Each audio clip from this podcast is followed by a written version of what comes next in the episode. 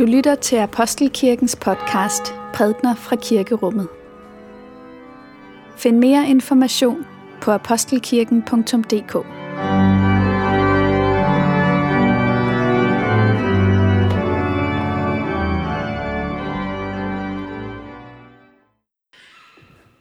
Godmorgen og velmødt til gudstjeneste her i Apostelkirken. Det er 5. søndag efter Trinitatis, og vi skal høre nogle tekster en fra det gamle testamente om Esajas, som ser Guds hellighed i hans, på hans himmelske trone, og så øh, Peter, som møder Jesus på, i en båd på Genesarets sø. Og begge får et, et livsforvandlende møde med, med Gud der. Så det er det, vi skal være samlet om. Lad os bede. Herre Jesus Kristus, når du kalder os til at lægge ud på dybet og våge det umulige, vil noget i os gerne følge dig, og noget i os helst være fri. Vi beder dig, tag vores frygt fra os, driv tvivlen og vantroen ud af os, så vi går, hvor du byder os at gå, og gør, hvad du vil, at vi skal gøre. Lad os se, at du har muligheder, hvor vi kun ser forhindringer, og alt det, der kan, og alt det, der kan gå galt. For når du vil, kan underet ske, og vi ser din magt og herlighed, og den velsignelse, som strømmer imod os, fra evighed til evighed. Amen.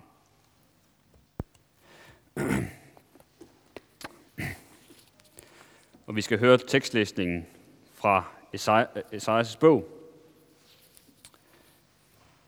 kapitel 6, vers 1-8. I kong Usias dødsår så jeg Herren sidde på en højt ophøjet trone, og hans slæb fyldte templet. Serafer stod omkring ham. De havde hver seks vinger. Med de to skjulte de ansigtet, med de to skjulte de fødderne, og med de to fløj de. De råbte til hinanden, Hellig, hellig, hellig er herskars herre. Hele jorden er fuld af hans herlighed.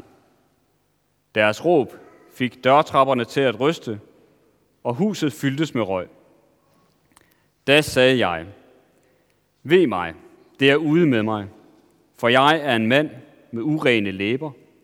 Jeg bor i et folk med urene læber, og nu har mine øjne set kongen, herskars herre.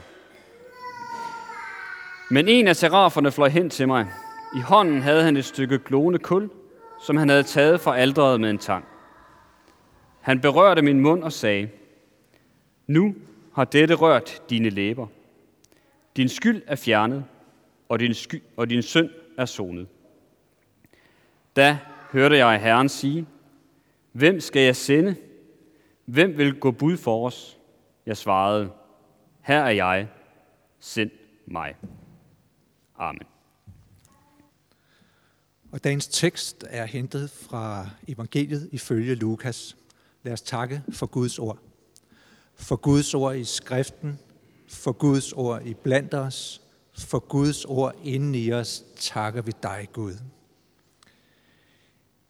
En gang, da Jesus stod ved Genesarets sø, og folkeskaren trængtes om ham for at høre Guds ord, fik han øje på to både, der lå ved søen. Fiskerne var gået fra dem og var ved at skylle garnene. Så gik han op i en af bådene, den, der tilhørte Simon, og han bad ham lægge lidt fra land. Så satte han sig og underviste skarne fra båden. Da han holdt op med at tale, sagde han til Simon, Læg ud på dybet og kast jeres garn ud til fangst. Men Simon svarede, Mester, vi har slidt hele natten og ingenting fået. Men på dit ord vil jeg kaste garnene ud. Det gjorde de, og de fangede en stor mængde fisk, så deres garn var ved at sprænges. De gjorde tegn til deres kammerater i den anden båd, at de skulle komme dem til hjælp, og de kom og fyldte begge både, så de var lige ved at synke. Da Simon Peter så det, faldt han ned for Jesu knæ og sagde, Gå bort fra mig, Herre, for jeg er en syndig mand. For han og alle de andre, som var med ham, var grebet af stor redsel på grund af den fangst, de havde fået. Lige så Jakob og Johannes, Zebedeus' sønner, som fiskede sammen med Simon. Men Jesus sagde til Simon, frygt ikke, fra nu af skal du fange mennesker. Og de lagde bådene til land og forlod alt og fulgte ham. Lad os bede. Herre, må dit ord blive til liv for vores tro. I faderens og søndens og heligåndens navn. Amen. Når jeg læser de her tekster fra det nye testamente, hvor Jesus han kalder sine første disciple, så kan jeg godt undre mig over deres umiddelbare og øjeblikkelige accept af Jesu kald. Hvorfor spørger de ikke lige om et par dage til at overveje det? Hvorfor stiller de ikke Jesus nogle spørgsmål om, hvad det måtte vil indebære at følge ham? Og hvad var det ved Jesus, der til synlædende overbeviste dem om, at det var værd at efterlade alt og følge efter ham? Jeg finder det simpelthen utroligt, at de bare sådan efterlader alt på stedet og så går efter ham. Hvis man sammenligner dagens tekst med kaldelsesberetningerne i Matthæus og Markus, så får vi lidt mere her. I Matthæus og Markus står der bare, at Jesus han kommer gående, og så siger han, følg mig, og de forlod alt og fulgte ham. Men jeg synes stadigvæk, selvom vi får mere med her, at vi får ganske få spor, og fortsat har en række ubesvarede spørgsmål. Det ville jo have været fint at få lidt mere at vide om, hvad der egentlig foregik. Det kunne for eksempel have været godt at vide, hvad Jesus havde sagt til skarne fra båden. Var der noget i Jesu undervisning, der fik Peter til at stole på Jesus i en sådan grad, at han var villig til at gøre noget, der syntes tåbeligt? At tage ud og fiske midt på dagen. Det kunne også have været fint med en forklaring på meningen med den her store fiskefangst. Hvad var det lige ved det der, de der mange fisk, der overbeviste Peter om, at han stod over for en person, som han måtte falde på knæ for og bekende sin uværdighed og sin syndighed? Det kunne være fint med nogle flere forklaringer for at forstå logikken i det hele. Det er det mindste sådan, jeg umiddelbart ser teksten. Men mens jeg tænkte over den her tekst frem til i dag, så kom jeg frem til, at jeg måske havde misforstået det hele. For det her handler om mere end logiske sammenhænge. Det handler om tro. Og troen kan ikke forklares rationelt. Hvis jeg skulle forklare, hvorfor jeg er en kristen, så kunne jeg øh, give nogle forskellige grunde til det. For eksempel, at jeg er vokset op i et kristent hjem, at troen har været en naturlig del af mit liv på den måde.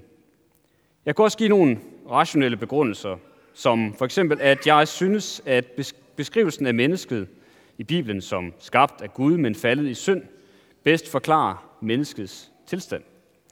Eller at jeg finder Bibelen historisk troværdig, og at jeg helt centralt mener, at der er gode grunde til at tro på, hvad Bibelen fortæller om Jesu liv og død, og allervigtigst, at han virkelig er opstået fra de døde. Det er muligt at pege på grunde til at tro på, at kristen, kristendommen er sand, og vi behøver ikke at tage, så at sige, hovedet under armen og lægge fornuften til side for at tro. Der er ikke en modsætning mellem tro og fornuft, men på det dybeste plan baserer troen sig ikke på fornuften. Der må mere til, ikke mindre. På det dybeste plan er min tro ikke en tro på et filosofisk system, der giver mig et sammenhængende verdensbillede, eller en tro på en bunke historiske fakta. Det er det også. Men den kristne tro er mere end det. Som kristne tror vi på en levende Gud, som blev menneske i Jesus Kristus. At være kristen er at stå i en relation og et tæt fællesskab med Gud gennem Kristus, som blev menneske for at indgå i en relation til os. Så mens jeg tænkte over teksten, så blev det klart for mig, at Bibelen ikke, øh, at tro i Bibelen ikke først og fremmest er viden om Jesus. Tro er ikke noget, der dybest set kan forklares. Man kunne for eksempel sammenligne det med et restaurantbesøg. Du kan læse menukortet. Du kunne måske også høre andre fortælle om, hvor fantastisk den her restaurant er. Men det er først, når du sætter dig ved bordet og mærker atmosfæren, smager på maden, at du virkelig forstår, hvad det handler om. På samme måde er tro et faktisk møde med den person, som Bibelen taler om, nemlig Jesus. Det handler ikke bare om at læse og forstå ordene. At tro er at se, så at sige, Jesus, som han virkelig er, og blive forvandlet af det møde. Og det er det, begge de tekster, vi har læst i dag, handler om, selvom de er vidt forskellige beskrivelser. Teksten fra Esajas, som beskriver, hvordan profeten ser Guds herlighed i det himmelske tempel, og Peter, som møder Jesus på en helt almindelig dag i en båd på Genesrets sø. Men lad os lige se lidt nærmere på evangelieteksten og se, hvad den her historie fortæller os om troen, og hvad det vil sige at blive mødt af Jesus og blive forvandlet af det her møde. Altså vi har Peter, der er der på stranden sammen med sine venner i en helt almindelig hverdagssituation ved søbredden, mens han vasker sine net, som han plejer. Men selvfølgelig er den her dag mindre sjov end andre dage, for de har jo ikke fanget noget. Der var ingen glæde over en god fangst, men arbejdet skulle ikke desto mindre gøres. Men denne morgen er Peter og hans venner ikke alene på stranden. En folkeskare er ved at samle sig, og flere og flere kommer til, alle ivrige efter at høre på Jesus. I takt med, at der kommer flere og flere til, var der ikke plads på bredden til Jesus, så han spørger Peter om at få lov til at bruge hans båd som en talerstol, og lidt fra land sidder han, Jesus altså der i båden og underviser skarne. Da Jesus så er færdig med at undervise skarne, sker der det her meget overraskende, at Jesus han vender sig mod Peter og beder ham om at sejle ud og kaste netten i vandet for at fange fisk. Han beder ham om at gøre noget, der slet ikke giver mening. Her har vi så tømmeren, der prøver at rådgive den professionelle fisker om at fiske. Og man fornemmer lidt på Peter, at han har noget skepsis omkring det her, og han siger, at det er da højst usandsynligt, at det her det vil lykkes at give noget resultat. Men alligevel gør han det, og han siger, at han gør det, fordi Jesus siger det. Og i det ligger der nok et lille græn af tro på, at Jesus er noget særligt og kan noget særligt. Og Peters anelse og hans tillid til Jesus bliver belønnet med den her enorme fangst af fisk. Og det er den her begivenhed, vi skal koncentrere os om. For hvad handler det her om? Hvad handler den her fiskefangst om? Ja, man kan sige, at det handler ikke om fiskene. For fiskene bliver meget hurtigt glemt. Peter taler slet ikke om fiskene, når han efter fangsten henvender sig til Jesus. Han siger ikke til Jesus, hvordan vidste du, at der var fisk der? Eller, du har fantastiske evner som fisker. Lad os indgå et forretningspartnerskab sammen og blive rige. I stedet for, så handler det for Peter om noget helt andet. Det handler om, hvem Jesus dybest set er. Det handler om, om hans øh, identitet. For Jesus han demonstrerer jo sin magt og viser sin autoritet over naturen. Og da Peter ser det, falder han på knæ. Peters reaktion handler ikke, altså ikke om fiskene, eller om miraklet som sådan, men at han begynder at forstå, hvem det er, han egentlig står overfor, og han indser sin egen syndighed og uværdighed i lyset af Jesu hellighed. Og hvad er det lige for en erkendelse, han når frem til her? Og her vil jeg trække på en, en gammel øh, teolog, som hedder Rudolf Otto fra 1800-tallet. Men han beskriver, han har beskrevet, han, han lavede en undersøgelse, og han beskrev, hvad, hvordan er det lige, hvad sker der, når et menneske møder det guddommelige? Og så siger han, når mennesket møder det guddommelige, så står det i en tilstand af såvel angstfuld skælven som fascination. Og hos Simon og besætningen, så tager angsten over i det her. De konfronteres med underet i alt dets håndgribelighed. De ser miraklet som et tegn på Jesu guddommelighed, øh, guddommelig myndighed, som de har set og læst om i det gamle testamente. Og de ved, at hvis en sønder står over for Gud, så kan de ikke bestå over for den hellige Gud. Og det er den samme redsel, vi læste om fra Esajas' bog. Da han mødte Guds magt og storhed på nærmeste hold. Der taler Esajas jo om, at kontrasten mellem hans urenhed og Guds majestæt er så stor, at det er ude med ham. Og Simons bøn til Jesus om, at han må gå bort, fordi han er en syndig mand, det er en parallel til Esajas desperate situation. Gå bort fra mig, siger Peter til Jesus. Men hvad siger Jesus så til Peter? Han forlader ham ikke. Han bekræfter ikke hans bekendelse. Han siger ikke, at han skal tage sig sammen eller skamme sig. Han siger ganske simpelt, frygt ikke. Frygt ikke, siger Jesus, for jeg vil ikke forlade dig eller fordømme dig. Han skulle ikke være bange for Jesus. Han skulle heller ikke være bange for, hvad hans venner tænkte om ham, eller de mange mennesker på bredden, der stod og undrede sig over, hvad der skete med den her store, stærke fisker, der nu pludselig lå på knæ foran Jesus. Frygt ikke, siger Jesus, for jeg har overvundet verden og alt det, som du frygter i verden. I Jesu mund så bliver den her hilsen, som vi så ofte kan læse i Bibelen, for eksempel sagt af engle til mennesker, som, møder, øh, som, som de møder. Øh, I Jesu mund så får den her hilsen om frygt ikke en helt anden vægt. Fordi det er Jesus selv, der overvinder alt det, som Peter frygter. Og det var det, Jesus han var kommet til verden for at gøre med sit liv, død og opstandelse. Han ville tage Peters skyld og skam på sig at gå gennem dommen og døden for Peter. Og derfor skulle han ikke frygte. Og det var det budskab, Peter sidenhen skulle gå ud i verden med. Og Jesus han kalder jo selvfølgelig så også Peter til en opgave efter det her. Ikke en opgave, som Peter går i gang med med det samme.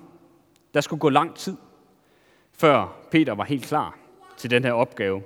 Og han skulle på en rejse sammen med Jesus, og han skulle opdage, at han havde meget at lære. Han skulle se flere store under, opleve store åbenbaringer, men han skulle også opleve store nederlag. Han skulle opleve, at han ikke helt kunne give slip på frygten, da han ender med at fornægte Jesus. Han kom altså ikke af med sine fejl. Men han vidste, at Jesus aldrig ville afvise ham.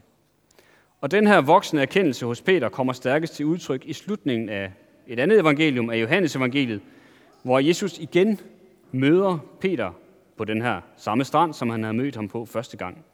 Og der sørger Jesus igen for, at Peter fanger en masse fisk, men den her gang beder Jesus ikke, nej, beder, beder Peter ikke Jesus om at forlade ham. Og det er på trods af, at han netop har fornægtet ham. I stedet skynder Peter sig hen til Jesus. Han hopper i vandet, svømmer og løber hen for at komme Jesus i møde, fordi han ved, at Jesus vil tage imod ham. Jeg tror, vi alle sammen er et eller andet sted på vores rejse med Jesus. Vi står over for vores udfordringer og vores tvivl, og vi har stadig meget at lære. Men dagens tekst lærer os, at det vigtige er ikke, om vi har al den viden, vi har brug for om Jesus, eller alle svarene. Det vigtige er, at vi har mødt Jesus, og at han har forvandlet vores liv. Vores tro det er ikke bare et intellektuelt koncept, men en levende relation til Gud gennem Jesus Kristus. Og hvor kan vi så, som Peter, møde Jesus i dag? Ja, det kan være lidt svært at sætte på formel, for oplevelsen og erkendelsen af Jesu nærvær kan være meget forskellige. Og for nogle af os kan det måske være perioder, hvor vi slet ikke mærker det. Alligevel har Jesus givet os nogle løfter om, at han vil være hos os. Han har sagt, at han vil være til stede, hvor to og tre er forsamlet. Og vi kan møde ham her i gudstjenesten, når vi samles til tilbedelse. Vi kan møde ham i bønden, når vi taler med ham og lytter til hans stemme. Vi kan møde ham i nadveren, hvor hans nærvær kan røres og smages. Og vi kan møde ham i bibellæsningen, når vi læser og lader hans ord tale til os og forvandle vores sind og hjerte. Men Jesu nærvær er jo ikke begrænset til de her specifikke ting. For vi så jo, at Jesus han mødte Peter netop der, hvor han er, i hans hverdag, på en båd på Genesrets sø. Vi kan møde Jesus i alle aspekter i vores liv, og lad os se ham i vores relationer, i vores arbejde, i vores glæder og sorger. Og Jesus ønsker at møde os, og med det møde ønsker han også at sende os ud i verden og fortælle mere om, at vi har mødt ham. Lad os bede. Jesus, vi takker dig for, at du kommer os i møde, og vi beder om, at vi må få lov til at se dig og mærke dit nærvær i vores liv. Vi takker dig for, at du ikke sender os bort, men at du siger frygt ikke. Og vi beder om, at det frygt ikke må komme dybt ind i vores sind, at vi må gå ud i verden og fortælle om det møde med dig, som har gjort, at vi kan leve uden frygt. Ære være faderen og sønnen og helligånden, som det var i begyndelsen, således også nu og altid og i al evighed. Amen.